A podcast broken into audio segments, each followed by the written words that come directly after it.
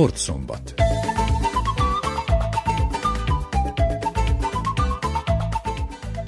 Köszöntöm a hallgatókat, Törőcsik Nagy Tamás vagyok előjáróban a tartalomból.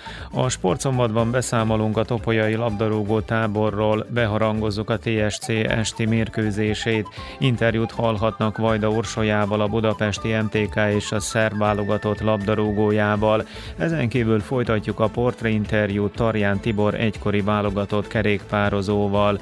A friss sporthírek közül kiemelem, hogy a szerb női röplabda válogatott 3-1-re kikapott Brazíliától a Nemzetek Ligája ankarai elődöntőjében. Most pedig egy zeneszámmal megyünk tovább.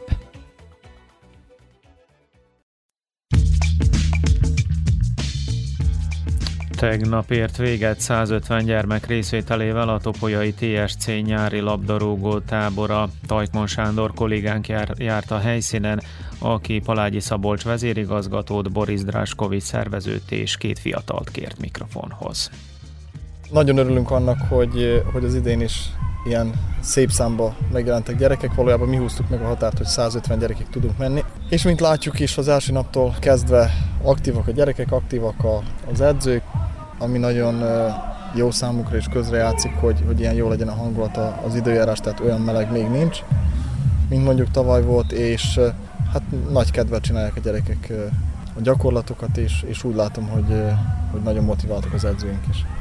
Nagyon fontos számunkra, és én úgy látom, hogy, hogy az a tábor után azért látunk olyan, és a tábor alatt is olyan tehetséges gyerekeket, akikről azt gondoljuk, hogy, hogy igenis a jövőben itt lenne Topolyán a, a helyük.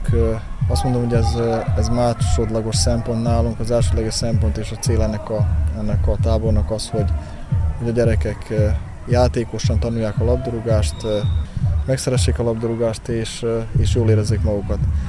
Az, hogy kinél milyen minőség látszik meg, az, az persze azt észre lehet venni, főleg így, hogy öt napot tart a tábor. De mondom, elsődleges cél az, hogy, hogy jól érezzék magukat, és utána, amikor mi látjuk, hogy valaki tehetséges, persze, hogy azokra jobban odafigyelünk azokra a gyerekekre, ami a jövőt illeti majd. Boris Draskovicsot, a tábor egyik szervezőjét az idei tapasztalatokról kérdeztük. Ugye ez már a negyedik napunk, tehát már sok minden lezajlott itt a gyerekeknek. Ugye a legnagyobb kedvencük az edzők elleni foci, ez tegnap délután volt, tehát úgy néz ki, hogy egyelőre idén is ez volt a legnagyobb öröm számukra. De viszont ami nekünk fontos, hogy minden nap a gyerekek mosolyogva mennek el, és azt mondják, hogy nagyon tetszik nekik a tábor. Tehát idén se nem csináltuk másképp, mint eddig, a csoportokon belül négy különböző feladatkörük van nekik, négy különböző edzővel, és nagyon élvezik a változatosságot a feladatoknál. Boris Draskovittól megtudtuk azt is, hogy idén több kislány is részt vesz a tábor munkájában. Minden évben egyre több, egyre több kislány is bejelentkezik a táborba. Ugye ez köszönhető a női részlegünknek is, mert ugye a Csizmár kollega a, a lány csapatokat tartja itt nálunk az akadémián belül. Idén is van legalább 15-6 kislány, akik, ugye, akik közül vannak kezdők is egészen a legkisebbek, és most augusztus végétől, illetve szeptember elejétől meg fogjuk indítani a kezdőcsoportot a lányokkal is. Most pedig halljuk a tábor részvevőit. Ácó Draskovittól azt kérdeztük, hogy hanyatszor van itt a táborban. Hát itt vagyok ma harmadszorra, és nagyon jó érzem magamat, mert nagyon szeretek focizni, és itt minden jó, mert itt van az összes edző, és itt minden jó gyakorlatok vannak. Oroszi Balázs a nevem, és első alkalommal jöttem a SC táborba. Nagyon jó minden, az edzések is szuperek. Nekem eddig a legkedvencebb edzésem a mostani kapus edzések, meg a meccsek. A TSC felnőtt csapata győzelemmel kezdte a Superliga új idényét, a múlt hétvégén ugyanis az első fordulóban 4-1-re legyőzte Belgrádban a Csukaricskit, ma 20 órától az Ivanyicai Jábor vendég szerepel Topolyán, ismét Palágyi Szabolcsot halljuk, Tajkman Sándor hangfelvétele következik. Nagyon biztató a, a kezdés, nagyon fontos számunkra, hogy idegenből hoztunk három pontot egy olyan ellenfél ellen, aki szerepelni fog majd Európába, és Szerbiát fogja képviselni, és és egy olyan stabil csapat ellen, amely azért megmutatta az előző bajnokságokban is, hogy mindig ott van Európa közelébe, vagy ha véletlenül nem sikerül, az, az se gond. Nagyon jó csapatot raktak össze, de én azt mondom, hogy, hogy ezt a mérkőzést nagyon okosan játszottuk le, nagyon, nagyon odafigyeltünk a, az ellenfélnek a, az erős oldalára, és azt megpróbáltuk valójában megállítani azon a, azon a részen a játékukat. És előhoztuk azt, előrukkoltunk, inkább úgy mondom egy olyan dologgal, ami, amiben gondjaink voltak, ez pedig a különböző szabadrugás, illetve szögletek utáni eredménytelenségünk a tavalyi bajnokságban. Hát most megmutattuk, hogy, hogy az is bejött ezen a mérkőzésen. Fejes gólokat adtunk, és szabadrugás gólt, és remélem, hogy ez nem csak ezen a mérkőzésen mutatkozott meg, hanem meg fog mutatkozni a többi mérkőzésen is, és ezáltal még még komplettebb csapatot tudunk majd látni, és bevezetőnek persze jó az a mérkőzés, az, az eredmény a, a Csukaricski ellen, de mindenféleképp törekszünk arra, hogy a hazai Javra elleni mérkőzéseinket is, is megnyerjük, mert valójában akkor van ennek a, a vendég győzelemnek értéke. Palárgyi Szabolcs vezérigazgatótól az iránt is érdeklődtünk, hogy az átigazolási időszak folytatásában tervez-e tovább erősíteni a TSC. Igen, az átigazolási időszak tart még szeptember 15-ig. A TSC Kuvegyics leigazolásával azt mondom, hogy nagy erősítést kapott. Egy olyan pozíción, ahol kicsit gyengébbnek éreztük a csapatot, és terve van persze még, még legalább egy játékosnak az igazolása a szélső pozícióra, dolgozunk rajta, mivel hosszú még az átigazolási időszak, persze, hogy törekszünk arra, hogy minél hamarabb azt a játékost, akit, akit esetleg kiszemelünk, azt el is hozzuk. Várható még azért egy játékos érkezése biztosan. Ami a szerb labdarúgó élvonal eredményeit illeti, a szabadkai Spartakusz tegnap este megszerezte az első győzelmét a Superligával. A második fordulóban 2-0-ra felülmúlt a hazai pályán a szurdulicai Rádnikod. Novi Pazár Csukaricski 1-1 és Rádnicski Nis Partizán 3-3. A Partizán úgy harcolta ki a döntetlent Nisben, hogy a 97. percben büntetőből volt eredményes. A belgrádiak egyébként két találatot szereztek ezen a meccsen 11-esből. Ma estére további három találkozót rendeznek. Egyaránt 20 órakor kezdődik Újvidéken a Mladoszt Vojvodina, Topolyán a TSC Jábor és Belgrádban a Crvena Zvezda Kolubara mérkőzés. 5 óra lesz 10 perc múlva a sportszombatot hallgatják, az Újvidéki Rádióban női foci lesz a témánk a folytatásban. Majd a Orsolyával, a Budapesti MTK és a szerb válogatott labdarúgójával beszélgetünk. A magyar kanizsai születésű hátvéd 8 évet követően tavaly nyáron elhagyta a szerb bajnok Szabadkai Spartakuszt és Magyarországra szerződött. A szerb válogatottnak továbbra is tagja, mely nemrégiben legyőzte a nyolcszoros Európa bajnok Németországot, és a 2011-es világbajnok Japánnal is megmérkőzött az interjún következik. Orsolya egy éve igazoltál Budapestre az MTK csapatához, előtte 8 évig a szerb bajnok Spartakuszban fociztál. Hogyan találtad fel magad a magyar bajnokságban egy szezonon túl, vagy a második pedig majd augusztusban kezdődik? Igen, tavaly nyáron jöttem az MTK csapatához. Úgy éreztem akkoriban, hogy szükségem van egy kis változásra, de nagyon szép nyolc évet töltöttem el a Spartak csapatánál. Nagyon élvezem az itt létet, főként, hogy így az egyetemet párhuzamosan tudom végezni a labdarúgó karrierem mellett.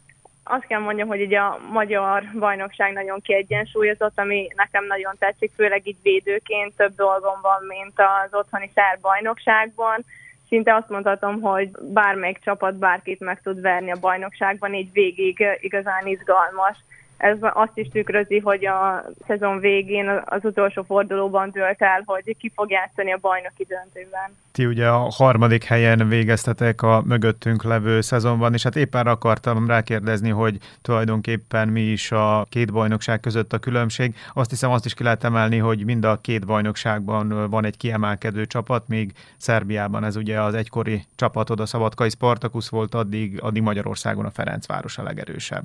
Igen, így igaz, ha bár hogyha visszagondolok, a Ferencvárosnak is ugyanúgy voltak botlásai az előző szezonban, még ugye Spártáknál ez nem igazán volt jellemző. Azt hiszem számomra is ez egy személyiségfejlődés is egyaránt, hiszen itt mégiscsak több a, a döntetlen, több a vereség, mint az előző években, úgyhogy ehhez egy kicsit nehéz volt hozzászoknom, de élvezem az itt létet.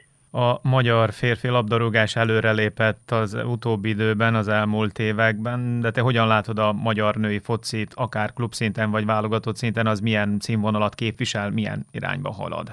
Azt kell mondani, hogy szerintem így az otthoni viszonyokhoz képest így eléggé egymás mellett, fejfej mellett halad a, a két ország, de azt elmondható összességében a világon, hogy igencsak fejlődik a női labdarúgás, ez mi sem bizonyítja jobban, hiszen sorra dőlnek meg a nézettségi rekordok, és láthatóan egyre több kislány focizik, szerintem ez egy egyértelmű győzelem úgymond a női labdarúgás tekintetében. Te tagja vagy a szerb válogatottnak, a női labdarúgó válogatottnak, amely világbajnoki selejtezőket játszik, és hát amit mindenképpen ki kell emelni az, hogy történt egy bomba meglepetés, mégpedig az, hogy sikerült legyőznötök a nyolcszoros Európa bajnok Németországot, Ópazován 3-2-re. Te azon a mérkőzésen éppen nem játszottál, de tulajdonképpen mekkora meglepetés volt az, hogy nyertetek a német lányok ellen? Igen, sajnos én azon a mérkőzésen nem tudtam ott lenni a csapattal, sérült voltam, de végig izgultam a mérkőzést.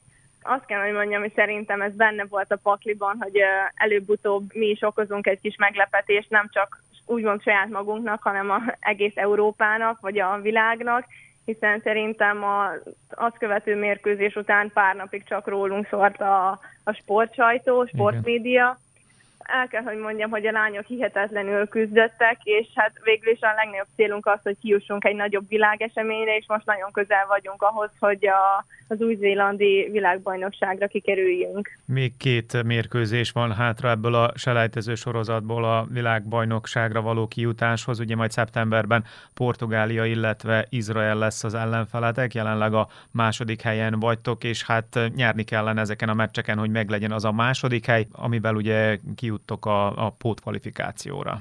Igen, ez így van. Hát ugye mi is egy kicsit kalkulálgattunk, ugye szerintünk Izraelt meg fogjuk verni, de ugye Portugália itt a legnagyobb falat, ellenük elég döntetlent is játszanunk, hogy a pótselejtezőkre kikerüljünk, viszont nem szeretnénk a véletlenre bízni, úgyhogy a két héttel ezelőtti összetartáson már a szeptemberi mérkőzésekre fókuszáltunk, és most ebben az elkövetkező nagyjából két hónapban mindenki arra fókuszál, hogy a szeptemberi mérkőzésen minél jobb teljesítményt tudjunk mutatni. Feltennék még egy kérdést, ami a válogatottságot illeti. Júniusban volt egy érdekes barátságos mérkőzésetek eh, hazai pályán, Japán ellen. Ez azért is érdekes, mert a japánok 2011-ben eh, világbajnokok voltak, a németek ellen nem léptél pályára, a japánok ellen igen. Igaz, hogy 5-0-ra kikaptatok, de nyilván tapasztalatszerzés céljából az a mérkőzés is nagyon jó volt számotokra. Milyen volt Japán ellen focizni?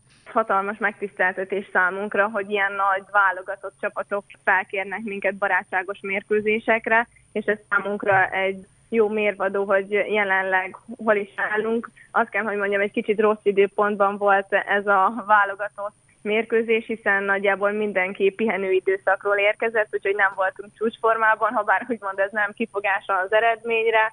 A japán csapat egyértelműen jobb, disziplináltabb tőlünk, és egy nagyon összeszokott csapatról beszélünk, ha bár azt mondom, hogy kicsit csak az az öt gól, és nem teljesen tükrözi a valóságot.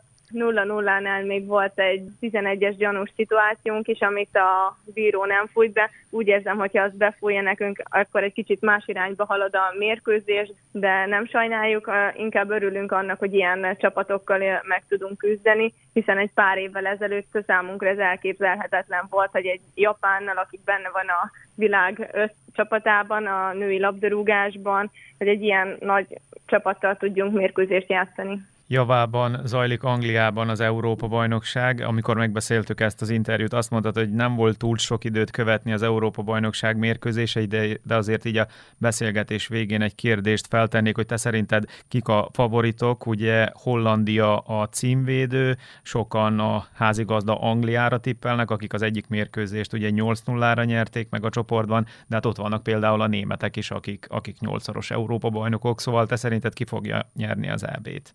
Igen, ha bár a mérkőzéseket nem tudtam lekövetni, azért az eredményeket, a mérkőzések csúcspontját természetesen megnéztem. Hát így a csoportkörök végére ki is alakult ugye az általad is említett csapatok, hogy ők a négy esélyes, ugye Franciaországot nem említetted, de ők is jó formában vannak.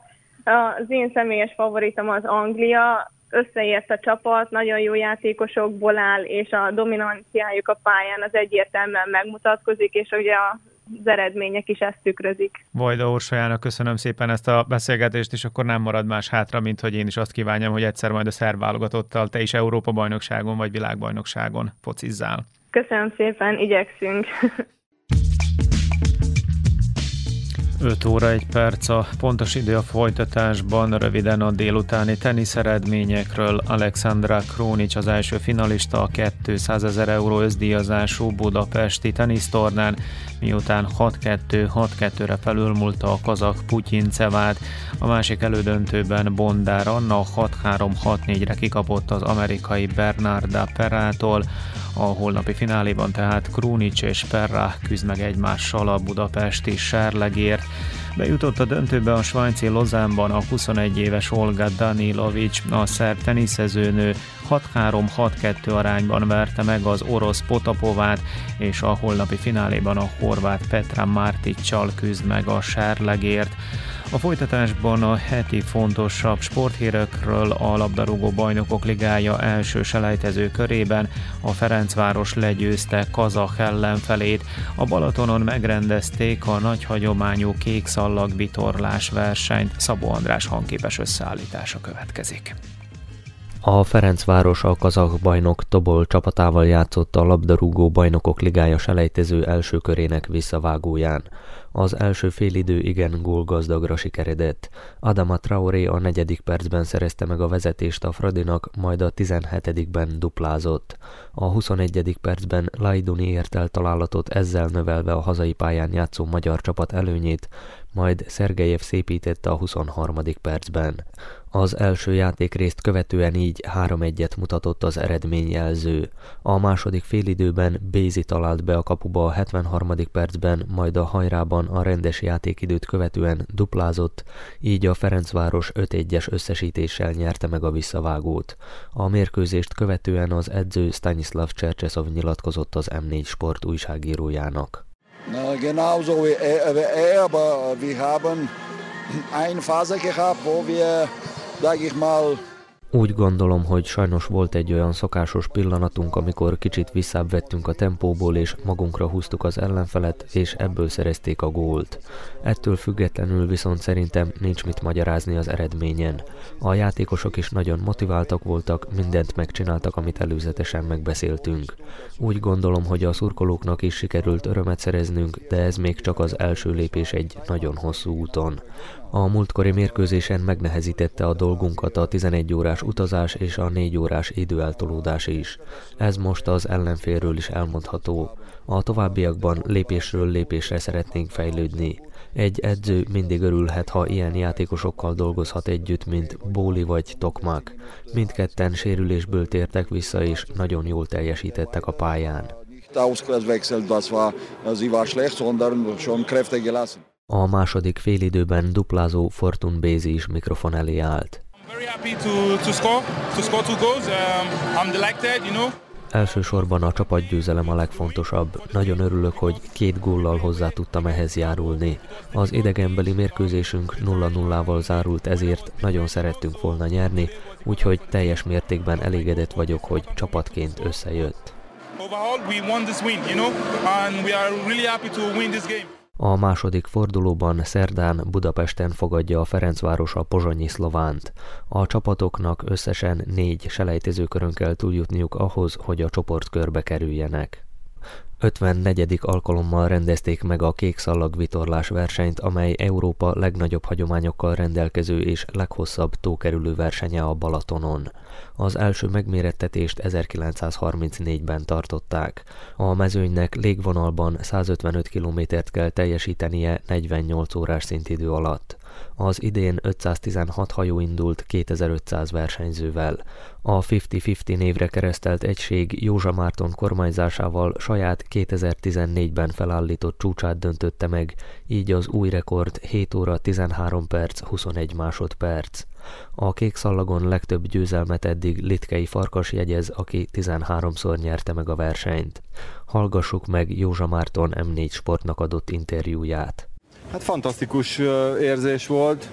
Ugye az idén megújult a, a hajó, új hajótestek és összekötők készültek a súlycsökkentés miatt, tehát közel 400 kilóval könnyebb lett a hajó. Az az igazság, hogy ez a mi szelünk volt, ez a mostani kék szalagon. Én úgy gondolom, hogy ebben a, ebben a szélben ilyen körülmények között a, a régi hajótestekkel is tudtunk volna nyerni. Talán nem ennyivel, de de ez a középszél, tehát ez a 10-15 csomó közötti szél, illetve ö, hosszú krajcakasz, ugye ez, ez nekünk kedvezett. A kékszalagok ö, történetében én úgy gondolom, hogy ilyen tízből egyszer-kétszer adatik meg mondjuk egy ilyen ö, szép ö, ö, szeles ö, verseny. Az esetek nagy részében sajnos gyenge szél van, vagy pedig mindig vannak olyan részei a Balatonnak, ahol, ahol megáll a mezőny, ugye újraindul a verseny, tehát mondjuk Keszthelyőből is ilyen például. Most tényleg nagyon nagy szerencsénk volt az időjárással, tehát hogy végig egy, egy viszonylag egyenletes szélbe tudtunk menni. Szerintem elég jó vonalon mentünk, tehát nem, nem, nem hibáztunk sokat, az biztos. Második helyen a Káli csapata hajózott be Virág Flóra kormányzásával, míg a harmadik helyet a Prospex Delta egysége szerezte meg Kaiser Kristóf vezetésével. Kedves hallgatóink, a múlt hét végén portréinterjút sugároztunk Tarján Tibor egykori jugoszláv válogatott kerékpározóval, aki versenyzői pályafutása után edzőként, bíróként, klubvezetőként és szervezőként munkálkodik a kerékpár sport érdekeiért. Most a vele készült beszélgetés második része következik a riporter Miklós Csongor. Én sprinter voltam, és tulajdonképpen a fiatalabb éveimben, a, így mondjuk utolsó junior, meg a seniorban, ott már nagyon hangsúlyozódott ez, a sprinter vagyok, és nem nagyon ment a hegy. Tehát az olyan versenyeken, ahol kemény hegyek voltak, ott én nekem csak túl kellett élni. Ahhoz, hogy majd a következő etapban, amikor sima lesz, akkor ott sprinteljek. Ez ma is így van. Mondjuk egy, egy Szagán, aki háromszoros világbajnok, nem is indul az olyan versenyeken, ahol kemény hegy van. Ez egy olyan dolog, hogy a kerékpár sportban három típusú versenyzőt ismer föl a sport. A sprinter, a hegyi, tehát aki jól mászik a hegyekre, meg a klasszikus tempós, aki általában az időfutamokon, meg ha szökés van az egyenes versenyeken, akkor tempóra el tud menni, de viszont ha elhúz magával egy sprintert, akkor biztos, hogy nem bírja megnyerni. Mondjuk a, a, az utolsó éves junior szereplésemig, ott én imádkoztam, hogy legyen hegy. Az mert volt még két jó sprinter Szerbiában. Szlovénoknál volt több. De viszont az ilyen szerbiai kupákon, ha van hegy, akkor valószínű, hogy én túlélem. A Temerini Varga Jóska volt a, a, az egyik sprinter, aki konkurens volt meg a Csubrics Krágyavóról, generáció voltunk, Jóska egy évvel idősebb volt tőlünk, mi ketten meg 58-asok, és hát az tudva levő volt, hogy ha hárman, mind a hárman bent vagyunk a bolyba, akkor marha nagy sprint lesz. Ha csak egy van hármunk közül a bolyban, akkor tudjuk, hogy ki nyert. A kicsit erősebb hegyeken ez a kettő már leszakadt és akkor nekem biztos játék volt, hogy nagyon rendben van minden. Ha meg nehezebb hegy volt, és én is leszakadtam, akkor meg semmi nem volt rendben. Te sprinter voltál, és itt említettük Szlovéniát, és emlékeztetjük ugye hallgatókat, hogy bizony régi Jugoszláviába a mostanihez képest egészen másképp festett a mezőny, mert maga a biciklisport is. Milyen futamokon versenyeztetek abban az időben? A szlovénekkel mondjuk egy olyan komoly ellenszem volt Szerbiától. Tulajdonképpen csak az én klubom, amíg a Vojvodinának szerepeltem, akkor a, miattam mentünk a szlovéniai versenyekre, mert én nagyon akartam, meg én, én nagyon jobban volt, én szerettem a szlovénekkel, barátkoztunk is. Addig jutottunk, hogy például az évad nyitón egy évben Bojan Ropret a Krányi szávából és Spitz versenyző volt, Balkán bajnok, meg stb. És hát az ő barátja, az ő klubtársa, odajött hozzám a rajta előtt, és mondta, hogy Tibi, hogyha gondolod, a Bojan a Lipovacska somából indul. Az 20 km a cél előtt. Te mehetsz vele. Utána átmentem a belgrádi OBK Beográdba, és tulajdonképpen ott értem el a, a legnagyobb eredményeket. De hát csak egy évig versenyeztem náluk, hát komplikált volt. Egyedül újvidékről, egyedül kellett, hogy edzek, és utána ez azért beidegződött, és úgy is maradt, hogy soha nem volt csapatom. Mindig egyedül edzettem. És ez, ez egy kicsit nehéz. De viszont abban az évben 56, úgy emlékszem, hogy 56 föllépésem volt abban az évben, amikor az OBK-nak hajtottam, megnyertem a szerbi bajnokságot, második voltam az országoson, csapatban második voltunk az országoson, csapatban megnyertük a szerbi bajnokságot. Úgyhogy hát ilyen jó, komoly eredmények voltak. De viszont a, a nekem, mint személyes élmény, a legnagyobb élményem volt, mint 16 éves, a nemzetközi felnőtt Koszovó körüli versenyen sárga voltam. Senki nem számított rám, nagyon erős voltam abban az időben, mint uh, ifi, mert tulajdonképpen az még nem is ifi, hanem feltőlő kategóriának számított volna, ha lett volna kategorizálva. És a sprintben megnyertem, lesprinteltem a szeniorokat, másnap sárga mez, de ez egy olyan élmény, hogy tényleg még gyerek voltam, és a, a, de a felnőttek, persze, másnap már nem tudtam nyerni. Na, második voltam, de, de már nagyon odafigyeltek. nem lehet felnőttekkel csak úgy játszani. És meddig versenyeztél, vagy úgy is kérdezhető, hogy meddig lehet ilyen intenzitással versenyezni, hiszen tudjuk, hogy állásod van, munkád van, család van. Hogy alakult az életed? Én nagyon keveset versenyeztem, relatív a, koromhoz viszonyítva. 84-ben fejeztem be a karriert, tehát 26 évesen. 32-től kezdődnek a komoly szenior eredmények. Akkor érnek meg a, a biciklisták arra, hogy csúcs eredményeket tudjanak nyújtani. Testileg, lelkileg? Igen, igen. Hát tulajdonképpen ez, ami most zajlik a, a világszinten is, Hát nagyon sok versenyző van a profi mezőnyben, fiatalok. Pogacsár zsinórba kétszer megnyerte a túrt. Szinte hihetetlen. De viszont ez a, ez a mai metodika, még ez a tempo, még tényleg olyan, hogy futószallagon mennek a jók. De viszont volt egy szakmai észrevétel, hogy egy szemináriumon egy olasz UCI komisszár tartotta a szemináriumot, és akkor, mikor rákérdezünk egy párszor, hát jó is a Tour de France-on, meg a Giron, hogy nem úgy van, mint ahogy ő mondja.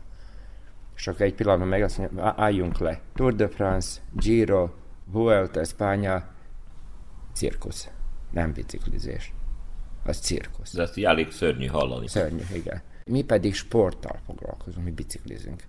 Valakinek nem felelt meg, hogy a Sagan a, a túron végig vigye a zöld majcát, és akkor szépen a harmadik etap végén ráfogták, hogy kidobta azt az angol sprinter, vagy hogy most nem jut eszembe a neve. Aztán a végén késült az is, hogy hát az a másik versenyző annak a cégnek a csapatában versenyez, amely szponzor is a Tour de France-on. Ennyire be van minden hálózva a pénzzel. A leggyorsabb cirkusz a világon a Forma 1, következő a Tour de France. De lényegében mi volt az oka, hogy te 26 évesen leálltál? Egyszerűen családot alapítottam, és akkor hát a feleségemmel tulajdonképpen De valahol akkor egy döntést hoztál, hogy egy döntés, hogy hát most akkor áttérek az edzősködésre, többet legyek otthon, nem kell 150 kilométereket edzeni naponta. Persze, hogy ez egy hosszú idő a nap folyamán, ahol egyszerűen az ember távol van. A másik pedig az, hogy hát a, a csapatom abban az időben kezdtem én vezetni a Mladostot, és akkor kialakult egy jó, erős szenior csapat, és akkor jöttek azok a gondok, hogy most én vagyok az edző, de versenyző is. És most a csapatban vannak erős fiúk, akik talán nyerhetnének. De ha én nem mondok el nekik mindent taktikailag, akkor nem fognak nyerni. De ha elmondok nekik mindent, akkor engem is le fognak győzni. És akkor jött egy ilyen, nem mondjam, ördögi kör, és akkor azt mondom, oké, okay, a 83-as évben én lezárom a karriert, egybe dolgozunk, a kerékpározás azt mondják egyéni sport, nem, a kerékpározás ugyanolyan csapatsport, mint a másik, mint a foci, meg a kézilabda, meg a kosárlabda, stb. és, és azt mondják, hogy hát hogy, hát ez nagyon kiviláglik mondjuk a Pro Tour, a Tour de France, meg ezeken a nagy versenyeken, mikor meglátjuk, hogy jönnek be a célba, és akkor felsorakozik a 6-7 egyforma mezes versenyző egy csapatból, és megcsinálják az olasz vonatot, mindenki húz, mind az őrült, az utolsó 150-200 méter a sprinteré.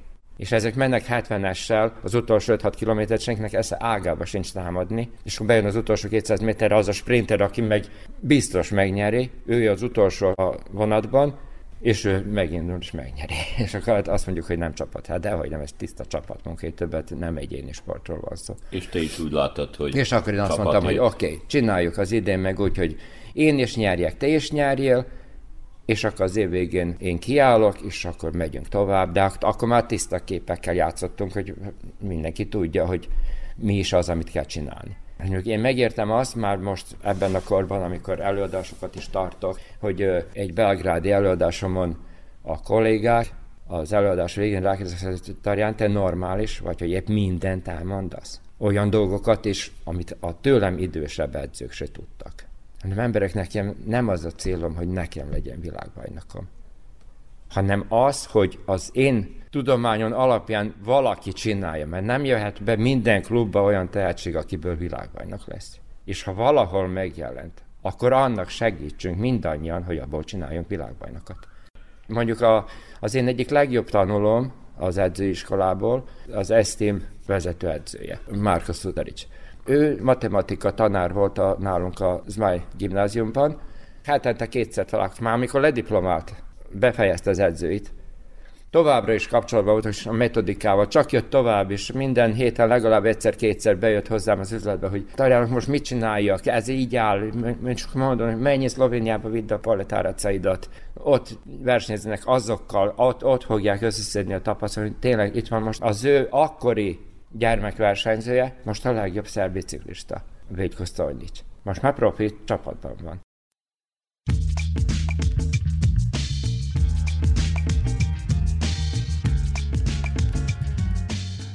A következő percekben is Tarján Tiborral egykori válogatott kerékpározóval, edzővel, klubvezetővel beszélgetünk. A folytatásban megtudhatjuk, hogy a Mladoszt kerékpárklubból való kilépése után megalapította az újvidéki elit biciklis klubot és a népszerű Dunakupát is beindította.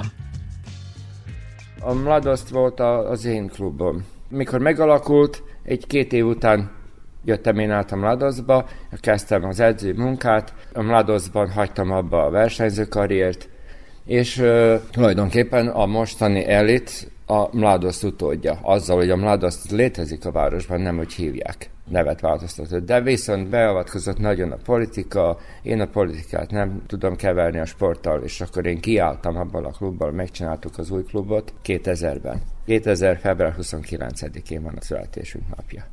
És azóta van az elit, most már itt van 22 éve, hát szép eredmények.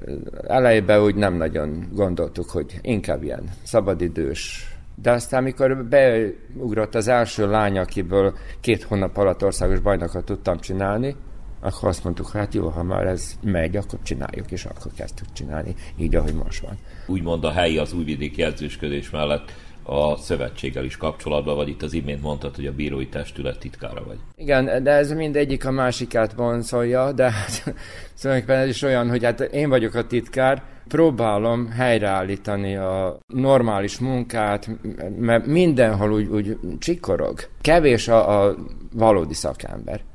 Mindenkinek valamilyen játszmái vannak, és ez a sportra nem jó és akkor hát próbáljuk valahogy, és akkor persze, hogy azért pozícióról jobban lehet behatni az emberekre, mint hogyha egy oldalról csak tanácsolunk, mert akkor mennyit versenyezni Magyarországon. Ezt már megkaptam a szerb kollégáimtól. De viszont hát én nem rosszat akarok, és akkor hát azért haladunk valami történik. Nyolc vagy kilenc szemináriumot szerveztem edzőknek az elmúlt 12-3 évben, az utóbbi három évben nem szerveztem, az egyik jó munkatársam, professzor Prátrics elhunyt, és vele csináltuk ezeket a szemináriumokat, magas szintű, olyan, hogy Nagy-Britanniából pálya edzőt is el sikerült hozni. És akkor azt mondták a belgrádiak, mikor lezajlott a szeminárium, és persze Belgrádból, meg Dél-Szerbiából nem jött senki, de viszont jöttek Montenegróból jöttek, Horvátországból, Boszniából, Magyarországról jöttek edzők. Egy atletizáló edző jött Jagodináról de a szerb kerékpáros edzők nem jöttek. És akkor másnap, mikor lezajlott, és mikor meghallották az EHO-t, mi nem mondtad, hogy ez ilyen komoly? hogy Nagy-Britanniából jött egy erőnléti edző tartani előadást. Hát mondom, el tudjátok olvasni a programot, hát írja. Tehát mindig fönnáll az, hogy most mit bír nekünk a tarján mondani, amit nem tudunk. Tehát van féltékenység a hát Persze, és ez, ez a gond. Azt mondják a szervek, hogy ne daj Boże, de ez Hát most, ha megegyeznének Hát ezt csinálják a szlovének. És van most már egy rakás, most már nem egy, most már három-négy spicversenyzők van a világban. Tehát a sportban is összefogás kéne. Kerék. Természetesen, főleg a kerékpározás. Az egyik boszniai kolléga, aki nagyra becsül, hát neki köszönhetem, hogy Tuzlán minden évben a kerékpáros szegmentumot a Tuzlai Sportegyetemen én tartom.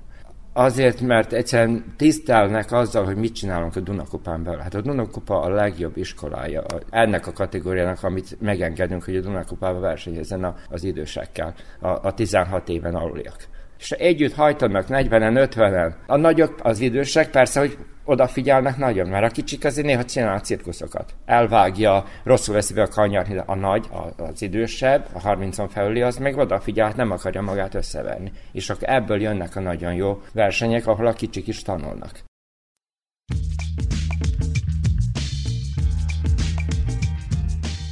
Az elmúlt negyed órában Tarján Tiborral, egykori válogatott kerékpározóval hallhattak beszélgetést a műsor végén a kollégák nevében is Törőcsik Nagy Tamás köszöni meg a figyelmet.